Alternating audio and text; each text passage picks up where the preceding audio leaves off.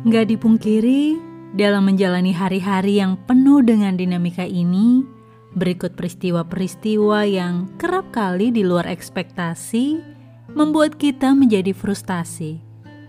Hey, it's okay. Itu wajar.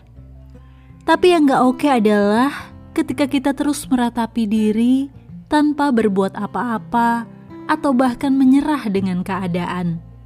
Dengarkan kita diciptakan untuk berkreasi, melakukan berbagai daya upaya yang mungkin tak pernah terpikirkan atau tak sempat dilakukan sebelumnya. Kadangkala, goncangan itu yang membantu kita keluar dari zona nyaman kita. Dan satu hal yang pasti, Tuhan, Sang Pencipta kita, pasti mengerti batas kemampuan ciptaannya.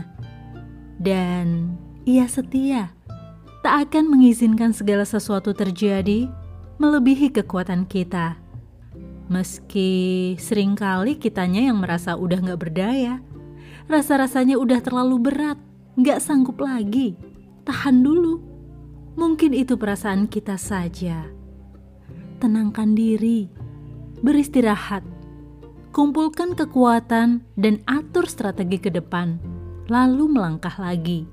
Hadapi dan taklukkan tantangan di depanmu.